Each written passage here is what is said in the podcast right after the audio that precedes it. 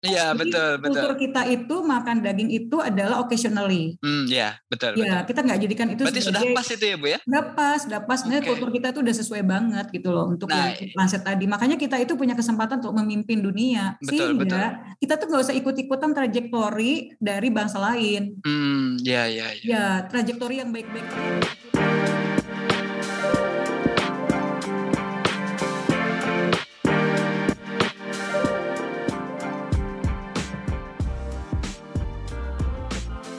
Hai sahabat TCIG, kalian sedang mendengarkan podcast Suara Akademia. Ngobrol seru isu terkini bareng akademisi.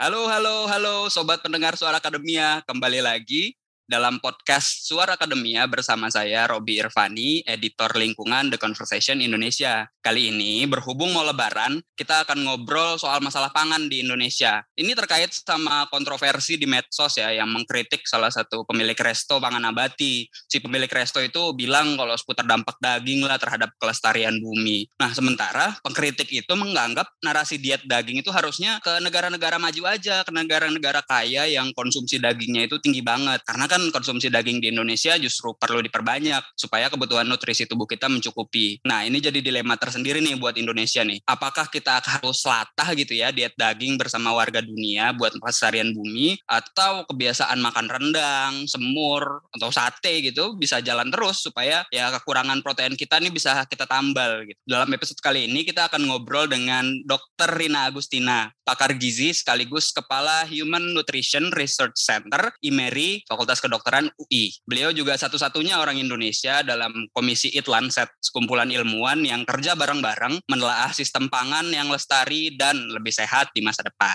Nah, ini Bu pertanyaan pertama nih Bu, soal kondisi asupan nutrisi masyarakat Indonesia. Apa benar Bu, masyarakat kita itu kekurangan makan daging Bu Rina? Eh, terima kasih banyak. Assalamualaikum warahmatullahi wabarakatuh.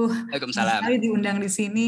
Tentunya topik ini sangat penting sekali ya dan mm -hmm. pertanyaannya luar biasa. Ya, daging itu kan memang yang dimaksudkan mungkin adalah daging merah ya. Hmm, Oke, okay. daging sapi gitu ya bu ya? ya kan uh, sapi, kambing, domba beda dengan daging unggas. Daging unggas itu kita hmm. sebutnya biasanya daging putih ya. Hmm, oke. Okay. Nah, jadi sebenarnya kan kalau berdasarkan pedoman gizi seimbang, jadi kita hmm. Indonesia itu kan kita mempunyai pedoman gizi seimbang gitu. Hmm. Jadi makanan kita itu sudah diberikan penjelasan supaya bagaimana sih supaya sehat gitu ya. Dari pemerintah nah, itu bu ya? Ya dari pemerintah okay. gitu ya. Nah di situ kan disebutkan bahwa asupan protein itu penting sekali gitu ya. Nah salah satunya adalah dari protein hewani gitu, mm. di mana kita tuh butuh kurang lebih 2 sampai 4 porsi seharinya. Setara Wah, dengan kira-kira setara dengan 2 4 potong gitu ya. Jadi hmm. kira-kira kalau makan daging itu daging ukuran sedang gitu dan, hmm. dan kecil sebenarnya nggak besar juga gitu. Okay. Kurang lebih 70 sampai 140 gram. Tapi itu kan anjurannya gitu hmm. gitu ya.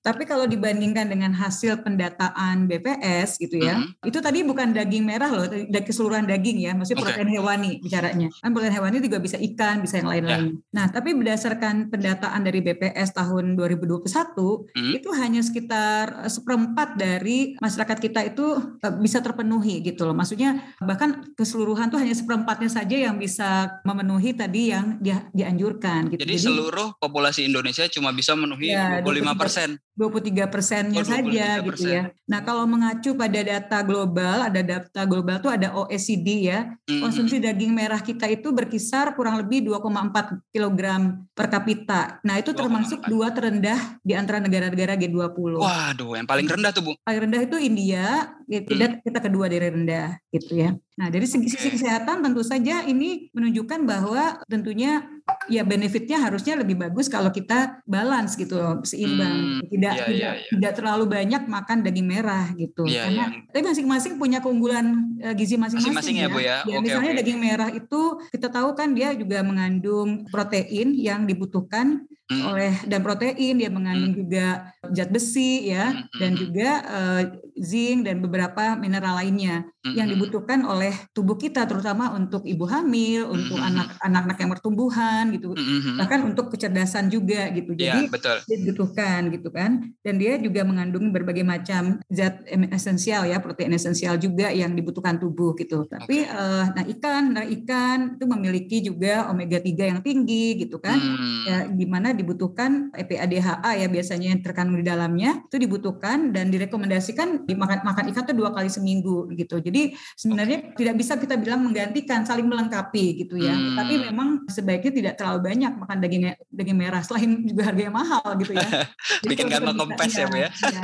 Kita bisa bicara tentang protein hewani. Nah, apakah Iya, iya betul. Bagaimana dengan protein nabati bisa nggak hmm. dia menggantikan? Jadi istilahnya bukan mengganti-mengganti ini istilahnya hmm. saling melengkapi ya, Ibu. Ya. Karena prinsip makan yang sehat itu adalah beraneka ragam makanan, Mas. Oh, oh iya iya betul. betul. Ya. Nah, ya. Ini Bu, selain daging nih Bu. Tadi kan sudah dibilang ya kalau kurang sebenarnya konsumsi daging kita gitu ya di bawah standar BPS. nah, ya. itu apalagi sih Bu yang sebenarnya masih kurang gitu di masyarakat Indonesia, di kebiasaan makan masyarakat Indonesia ini Bu? Oh iya, yang tadi kan dikatakan bahwa pada prinsipnya kan makan itu aneka ragam makanan mm -hmm, dan betul. Uh, kita terdiri dari separuh dari makanan kita itu kan harusnya sayur dan buah-buahan. Mm, Oke. Okay. separuhnya lagi adalah terdiri dari uh, protein hewani dan nabati dan juga mm. adalah uh, makanan pokok gitu. Mm -hmm. Yang berlebihan kita tuh makanan pokoknya nasi itu luar biasa kadang-kadang malah, ya, Bu, ya? ya malah dua per tiga dari makanan kita gitu itu seperti halnya mencirikan sebenarnya kan kita kan negara low middle income countries ya kita tuh mm-hmm. seperti orang makan negara miskin gitu loh oh, yang profilnya okay. itu adalah banyak makan nasi putih yang banyak gitu loh mm-hmm. nah itu juga itu yang harusnya dikurangin gitu kemudian kalau makanan pokok harusnya juga beraneka ragam. Hmm. Dan kedua adalah kita kurang sekali sayur dan buah-buahan dari data riset, eh, riset kesehatan dasar kita itu menunjukkan 95% orang Indonesia itu kan kurang makan makan buah ya, Bu ya. Buah-buah dan sayur. Karena kalau buah itu kan diharapkan 2 sampai 3 porsi sehari, kemudian sayur hmm. itu 3 sampai 4. Saya tanya sama Mas Robi sekarang makan hmm. sayurnya bagaimana gitu kan. nah, ya. kadang-kadang makan gulai ya, nangka, Bu. Itu ya. termasuk sayur nggak, Bu? nah, yang, yang paling kurang lagi lagi adalah kita kurang sekali makan protein nabati. Hmm. Selain tadi protein hewani yang berapa kita lihat memang daging merah kita memang hmm. termasuk hmm. yang terendah tadi kan. Hmm. Nah, uh, tapi satu sisi juga protein nabatinya juga rendah gitu. Tahu tempe itu juga masih kurang. Ya, se ya sebenarnya kita cukup bervariasi untuk protein. Hmm. Kita hmm. punya tahu, tempe, hmm. tahu tempe itu kita sekitar uh, 40-50 gram ya makannya. Hmm. Jadi lumayan banyak sih sebenarnya. Hmm. Kemudian kita juga makan ikan 50-an gram juga cukup hmm. banyak sebenarnya terutama terutama untuk daerah-daerah penghasil ikan gitu ya. Tadi kan termasuk yang rendah gitu. Jadi sebenarnya kita cukup bervariasi untuk protein, tetapi tetap jadi analisa dari beberapa pihak itu agak berbeda-beda. Ada yang mengatakan sudah cukup, ada yang mengatakan kita kurang. Tapi pada okay. prinsipnya masih kurang sih sebenarnya gitu. Oh. Nah, satu lagi uh, yang kita kurang itu adalah lemak tak jenuh. Kita lebih banyak konsumsi lemak jenuh gitu, hmm. minyak-minyakan, goreng-gorengan. Hmm, hmm, kita sangat berlebihan juga masih berlebihan untuk gula gitu. Ya, ini sebenarnya trennya sama dengan global sama dunia juga apa yang disuruh malah nggak dimakan, apa yang disuruh misalnya kacang-kacangan itu kan penting yeah. sekali ya. Betul betul. Nah dulu mungkin kayak nenek kita justru kalau kudapan tuh kan makannya kacang rebus gitu yeah. ya. Iya. Nah sekarang kita kan enggak ya. Gorengan bu sekarang. Padahal enak banget loh kalau makan kacang Bogor gitu yeah. ya, kacang eh, rebus itu enak banget gitu. Nah itu kita yang belum, ayo makan makan kacang gitu, yang itu yang kurang gitu ya. Oke. Okay. Kemudian umbi-umbian, umbi-umbian tuh kan kita tuh kaya banget di Indonesia hmm. gitu ya. Yeah. Itu juga sekarang udah menurun padahal umbi-umbian itu kan termasuk karbohidrat yang baik dia karbohidrat hmm. kompleks gitu ya nah jadi hmm. akhirnya mengkon, uh, karena kita tadi sayur-sayur buah-buahan kurang kemudian umbi-umbian dan kacang-kacangan kurang sehingga selain proteinnya juga jadi kurang jadi serat kita juga kurang oke okay. apa ya. karena kebanyakan makan nasi ya bu ya jadi yang lain tuh nggak kemakan gitu betul ketika kita makan ada satu komoditi yang berlebih pasti hmm. komoditi lain akan kurang ini uh, kalau kalau kondisi ini nggak berubah gitu bu itu akibatnya gimana bu buat bangsa Indonesia gitu? Ya sebenarnya kan tadi makan itu selain untuk kita survive, kita hmm. juga untuk kita sebutnya adalah optimal ya hidup hmm. kita gitu ya. Jadi karena kan tidak hanya sekedar kita untuk mengisi lapar, tapi juga hmm. kita supaya bisa menjadi manusia yang unggul gitu kan. Hmm, okay. Nah berbagai macam kalau kita kurang dari apa yang saya sebutkan tadi kan nutrisi yang diharapkan itu juga jadi hmm. kurang. Hmm. hmm tidak hanya protein tadi ya, jadi karbohidrat hmm. kompleks, kemudian asam lemak tidak jenuh yang dari omega 3 juga kurang, hmm. uh, dan juga berbagai macam zat mikro, zat mikro mm-hmm. seperti zat besi, eh, B12 okay. dan lainnya kurang, itu semuanya nanti akan berpengaruh sekali terutama kalau pada ibu hamil, remaja, putri, anak balita gitu. Efeknya bisa jangka panjang. Nah, salah satu efek yang tidak baik itu adalah anemia ya. Nah, okay. ini bisa terbawa sampai keturunannya loh gitu ya. Jadi kalau ibu hamil itu sampai anemia, sekarang kan hampir 50% anak ibu, ibu hamil kita anemia. Itu oh, bisa 50% ya, Bu? Iya, 50 hampir 50%, 48% dan meningkat ya setiap uh, setelah lima tahun itu. Nah, itu akan mempengaruhi tidak hanya pertumbuhan, juga mempengaruhi kecerdasan. Nah, tadi kan hmm. kalau mau menjadi manusia unggul kan harus cerdas gitu kan. Iya. Ya, nah, kemudian juga untuk lansia itu kan juga butuh protein ya, hmm. juga B12, tadi vitamin B12 kalau kurang itu dia bisa gampang untuk tulangnya itu fracture ya, atau hmm, betul. apa gitu ya. Ini kita balik ke soal perbatan yang tadi disinggung ini Bu, soal pangan dan emisi gas rumah kaca. Nah, ini kan lagi banyak disorot gitu ya. Apa benar sih Bu kalau misalnya kebiasaan makan daging itu emang merugikan gitu buat kelestarian bumi gitu dari daging dari sapi-sapi itu Bu? Ya, memang kan itu memang sudah dihitung oleh para pakar ya. Jadi berdasarkan mm -hmm. penelitian ya, mm -hmm. yang di mana mengobservasi efek lingkungan dari mm -hmm. konsumsi berbagai kelompok bahan makan ya, mm -hmm. memang bahan makanan tertentu tuh punya kecenderungan memberikan dampak lingkungan yang lebih lebih tinggi okay. dibandingkan kelompok bahan pangan lain gitu. Mm -hmm. Nah, tadi kalau dikatakan misalnya daging merah dan susu itu termasuk bagian kelompok yang memang mempunyai efek GHG kita sebutnya ya, jadi gas emisi. Greenhouse gas itu ya, Bu ya? Greenhouse eh, emission itu yang uh -huh. lebih tinggi dibandingkan hmm, okay. dengan daging putih, ikan ya, atau mungkin jenis uh, makanan lainnya gitu. Jadi hmm. memang itu sudah terlihat gitu. Tapi kan konsumsi kita itu termasuk terendah tadi kan yeah. dikatakan cuma 2,23 kilogram ya. Hmm. Dan per kapita ya Bu ya. Kapita uh, ekor per tahun. Nah, itu mm-hmm. bisa saja memang tidak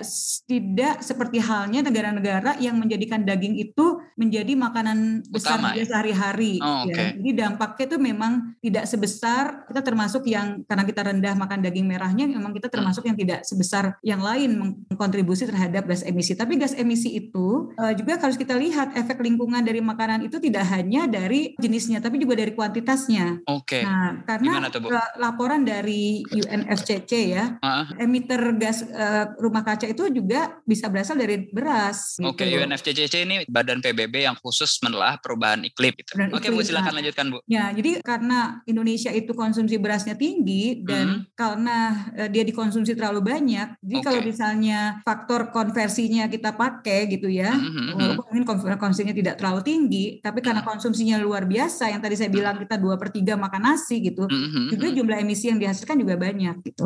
Oke, okay. jadi ya, dari dari dari terutama nasi putih itu, ya. Bu, ya. Saya bilang nasi putih gitu ya. Kita kan Emisinya dari sawah-sawah itu, Bu. Ya, bisa saja dari uh, jadi bisa saja dari sana, bisa juga dari berbagai macam uh, waste produknya gitu kan. Nah, hmm. atau penggunaan lahannya gitu kan. Oke, okay. nah, jadi ya, mungkin jadi yang kan kalau kita bicara yang tentang diubah jadi sawah gitu ya akan Ya. Nah, sama juga dengan daging unggas. Oke, kita nggak makan daging merah, tapi kita makan daging unggas yang banyak gitu. Hmm. Nah, itu kan juga akan menambah beban dari lahan kita. Area oh, pertanian kita, lahan jagung yang dipakai, yang harusnya dipakai untuk lahan jagung, dipakai untuk pakan unggas gitu kan. Hmm, nah, iya iya. Kita nggak makan kita nggak makan jagung, jagungnya dimakan sama unggas gitu iya, ya. sama unggas. Nah, okay. itu kan berarti konsumsinya nggak bijak gitu loh. Jadi nggak seimbang gitu. Jadi hmm, memang hmm, hmm. kita harus betul-betul mengedukasi masyarakat supaya memang makannya beraneka ragam gitu sehingga okay. nanti alur dari ekologi kita itu nanti dia akan berjalan secara seimbang juga gitu. Iya iya betul. Jadi memang sebenarnya pola makan yang seimbang yang bervariasi itu juga akan menentukan masa depan bumi gitu ya Bu ya. Oke.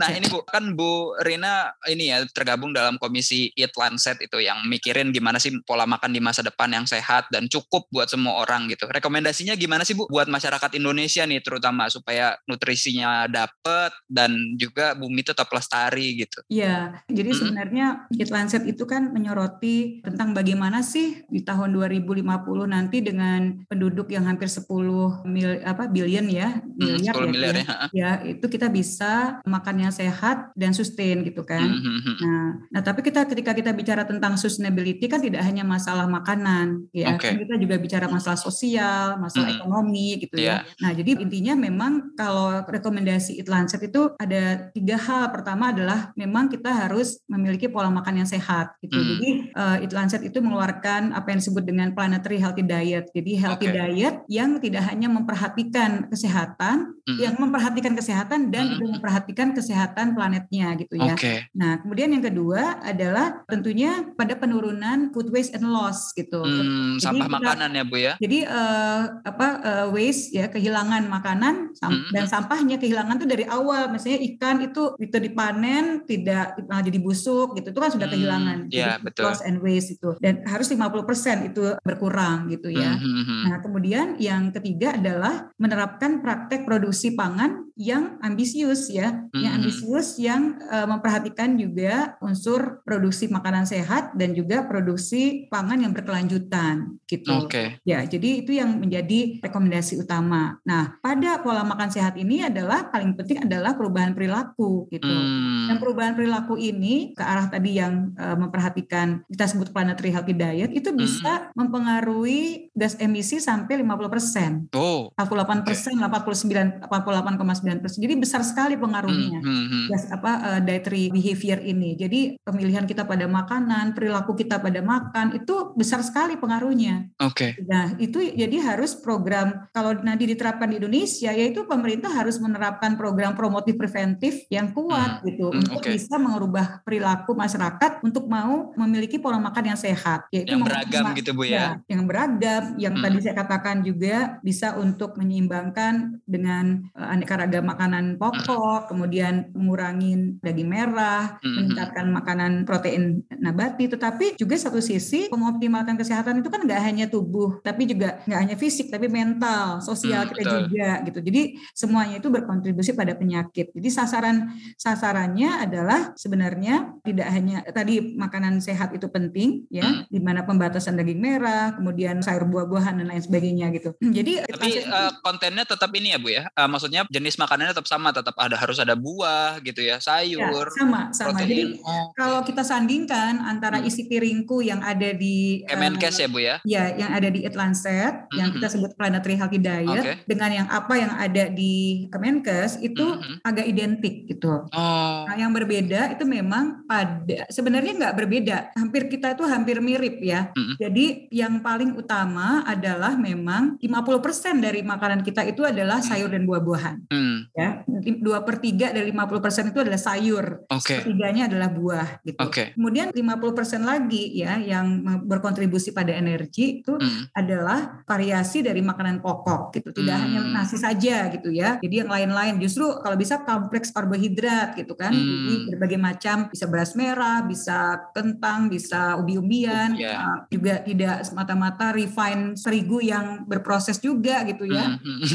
Ini banyak itu gitu Nah, kemudian adalah makanan hewani mm-hmm. yang dibatasi terutama untuk daging merah okay. serta meningkatkan protein nabati gitu. Hmm. Kita sebutnya disebutnya adalah flexitarian diet. Gitu. Oke, okay. Dan membatasi ya, gula, membatasi gula serta meningkatkan uh, lemak tak jenuh gitu. Hmm. Nah, sebenarnya itu sudah hampir sama dengan apa yang dimakan orang Indonesia secara ideal gitu. Hmm. Karena kalau dilihat dari analisa sebenarnya hmm. negara mana sih kalau misalnya harus harus yang paling cepat bisa memenuhi apa yang digariskan oleh Eat Lancet Planetary hmm. Healthy Diet itu Indonesia. Oh, Oke, okay. ini ya, mengejutkan. Indonesia dan, Indonesia dan India karena kita itu rekomendasi dietary guidelines-nya hmm. itu sudah mirip gitu. Okay. Ada beberapa yang memang tidak tidak sama gitu ya. Seperti misalnya susu kita kurang emphasize karena masuk dalam protein tadi. Hmm. hmm, hmm. Kemudian misalnya kita cukup tinggi untuk legumes kacang-kacang polong gitu. Itu hmm. hmm. anjurannya tinggi gitu ya. Apalagi di piramida piramida makanan kita. Tapi masalahnya dietary guidelines kita itu tidak sepenuhnya ikutin gitu. Jadi hmm. memang di sini faktor edukasi, faktor faktor uh, perubahan perilaku promotif preventif itu harus terus dikembangkan gitu. Oke okay, oke okay, oke. Okay. Nah, kemudian satu sisi lagi adalah masalah tadi yang food loss and waste. Kita hmm. itu kan masalah waste aja ya. Kita itu hmm. makan terlalu banyak membuang-buang, terlalu banyak Aduh. makan. Ya apalagi kalau udah mantenan gitu ya. Hmm, nah, ya, ya, kan ya, ya. Kita harus mulai sekarang udah mendidik masyarakat kita buat daftar belanja kalau mau membeli sesuatu. Supaya nggak terbuang ya. sia-sia ya. gitu ya Bu oh, ya. Masak sesuai porsi gitu. Hmm. Kemudian perhatikan tempat penyimpanan makanan mentah dan matang sehingga kita nggak nggak jadi busuk, nggak jadi terkontaminasi. Makan jangan berlebihan, just enough saja gitu kan. Mm-hmm. Dan jangan makan kalau misalnya kelaparan sekali baru makan gitu. Jadi akhirnya kan gitu.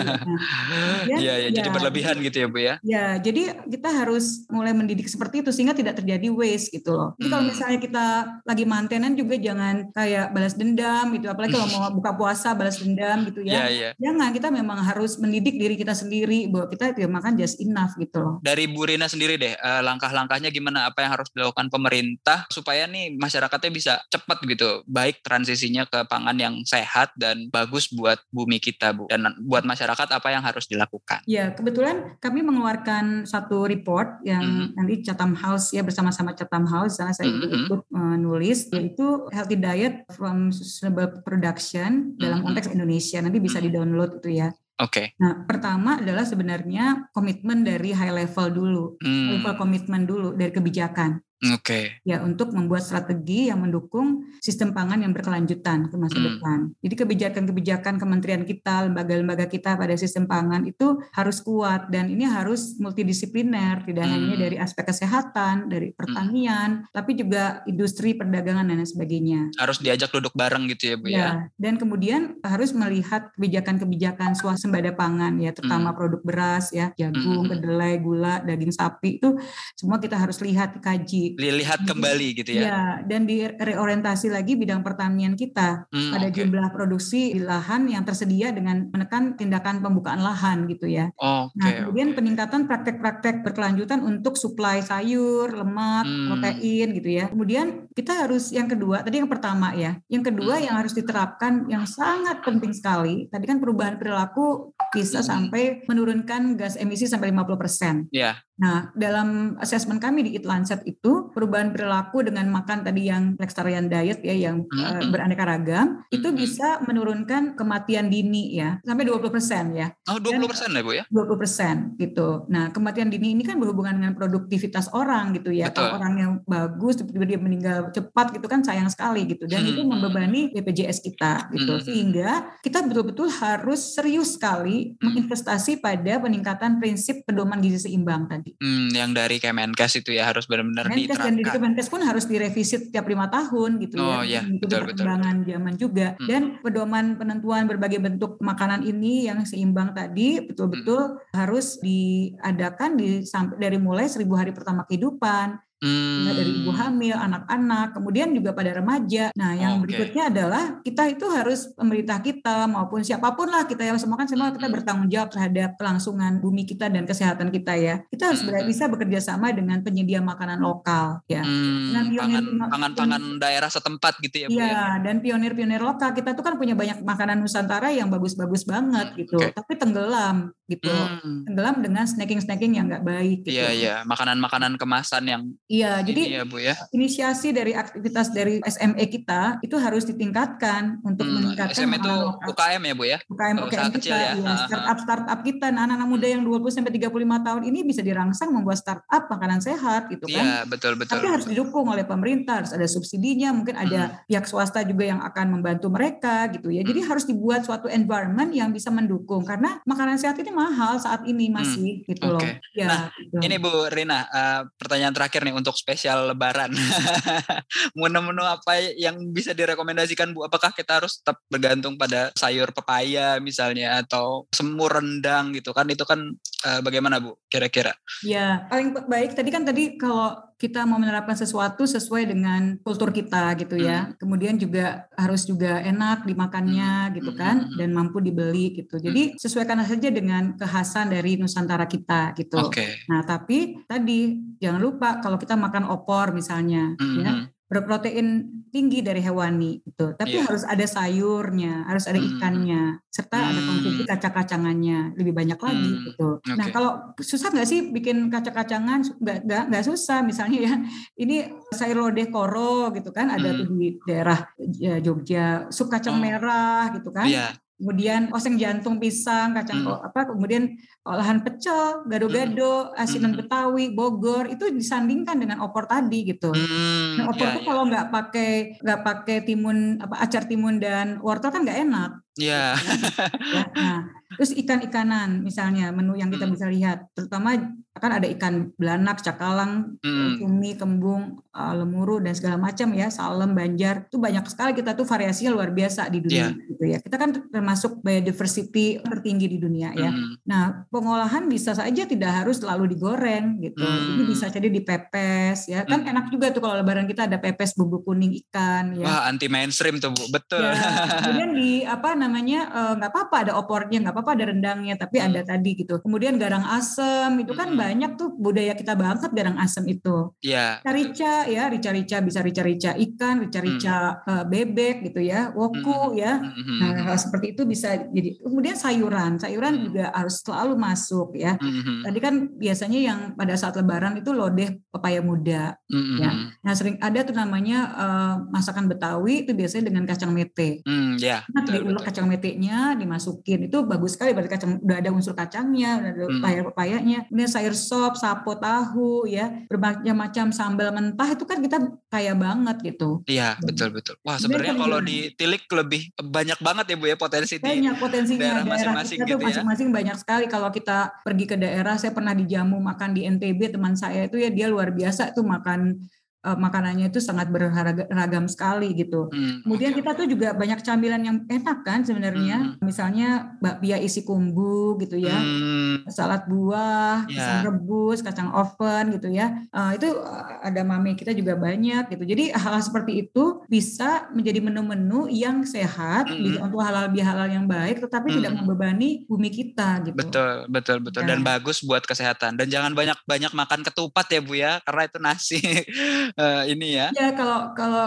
ketupat uh, tadi ya just enough saja gitu yeah. ya. Iya. Jadi apalagi kalau bisa membuat ketupat yang misalnya dari beras merah kan lebih baik lagi. Wah, gitu. iya betul. Ya, itu bisa dicoba gitu. Betul betul asal ramah kantong. Oke, terima kasih Bu Rina. Ini kita sudah masuk di ujung acara ya. Uh, izinkan saya merekap juga. Pertama kan tadi Bu Rina memang menyatakan bahwa uh, sebenarnya Indonesia itu membutuhkan makanan yang beragam ya. Kita kekurangan sayur gitu ya. Kita kekurangan buah dan untuk beberapa kelompok seperti ibu hamil ataupun anak perempuan dan remaja gitu ya butuh daging yang lebih uh, banyak begitu ya Bu ya dan sebenarnya uh, rekomendasi dari pemerintah, panduan dari Kementerian Kesehatan itu sebenarnya sudah cukup bagus. Tinggal kata Bu Rena perbaikan sedikit saja gitu ya untuk sesuai untuk pola makan yang sehat dan ramah bumi kita gitu. Nah, tinggal nantinya dari pemerintah mematangkan strategi bareng-bareng, duduk bersama pihak industri dan teman-teman uh, akademisi gitu ya untuk merancang strategi swasembada pangan gitu ya yang memang benar-benar beragam gitu ya dan ramah iklim dan juga cukup nutrisinya. Kalau perlu memang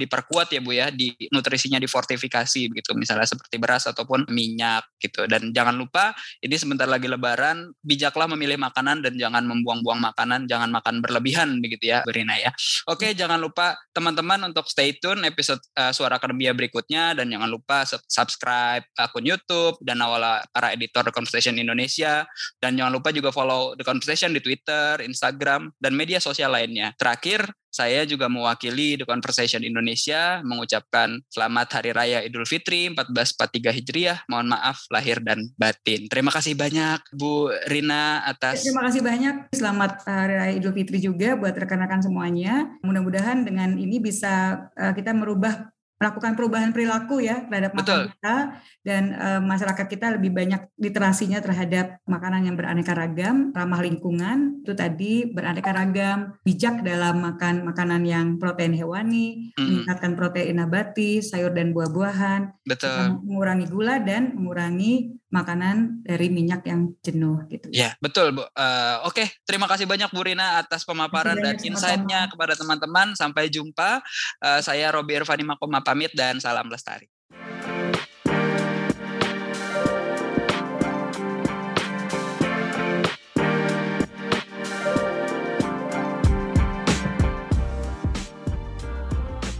Kalian telah mendengarkan podcast Suara Akademia, ngobrol seru isu terkini barang akademisi.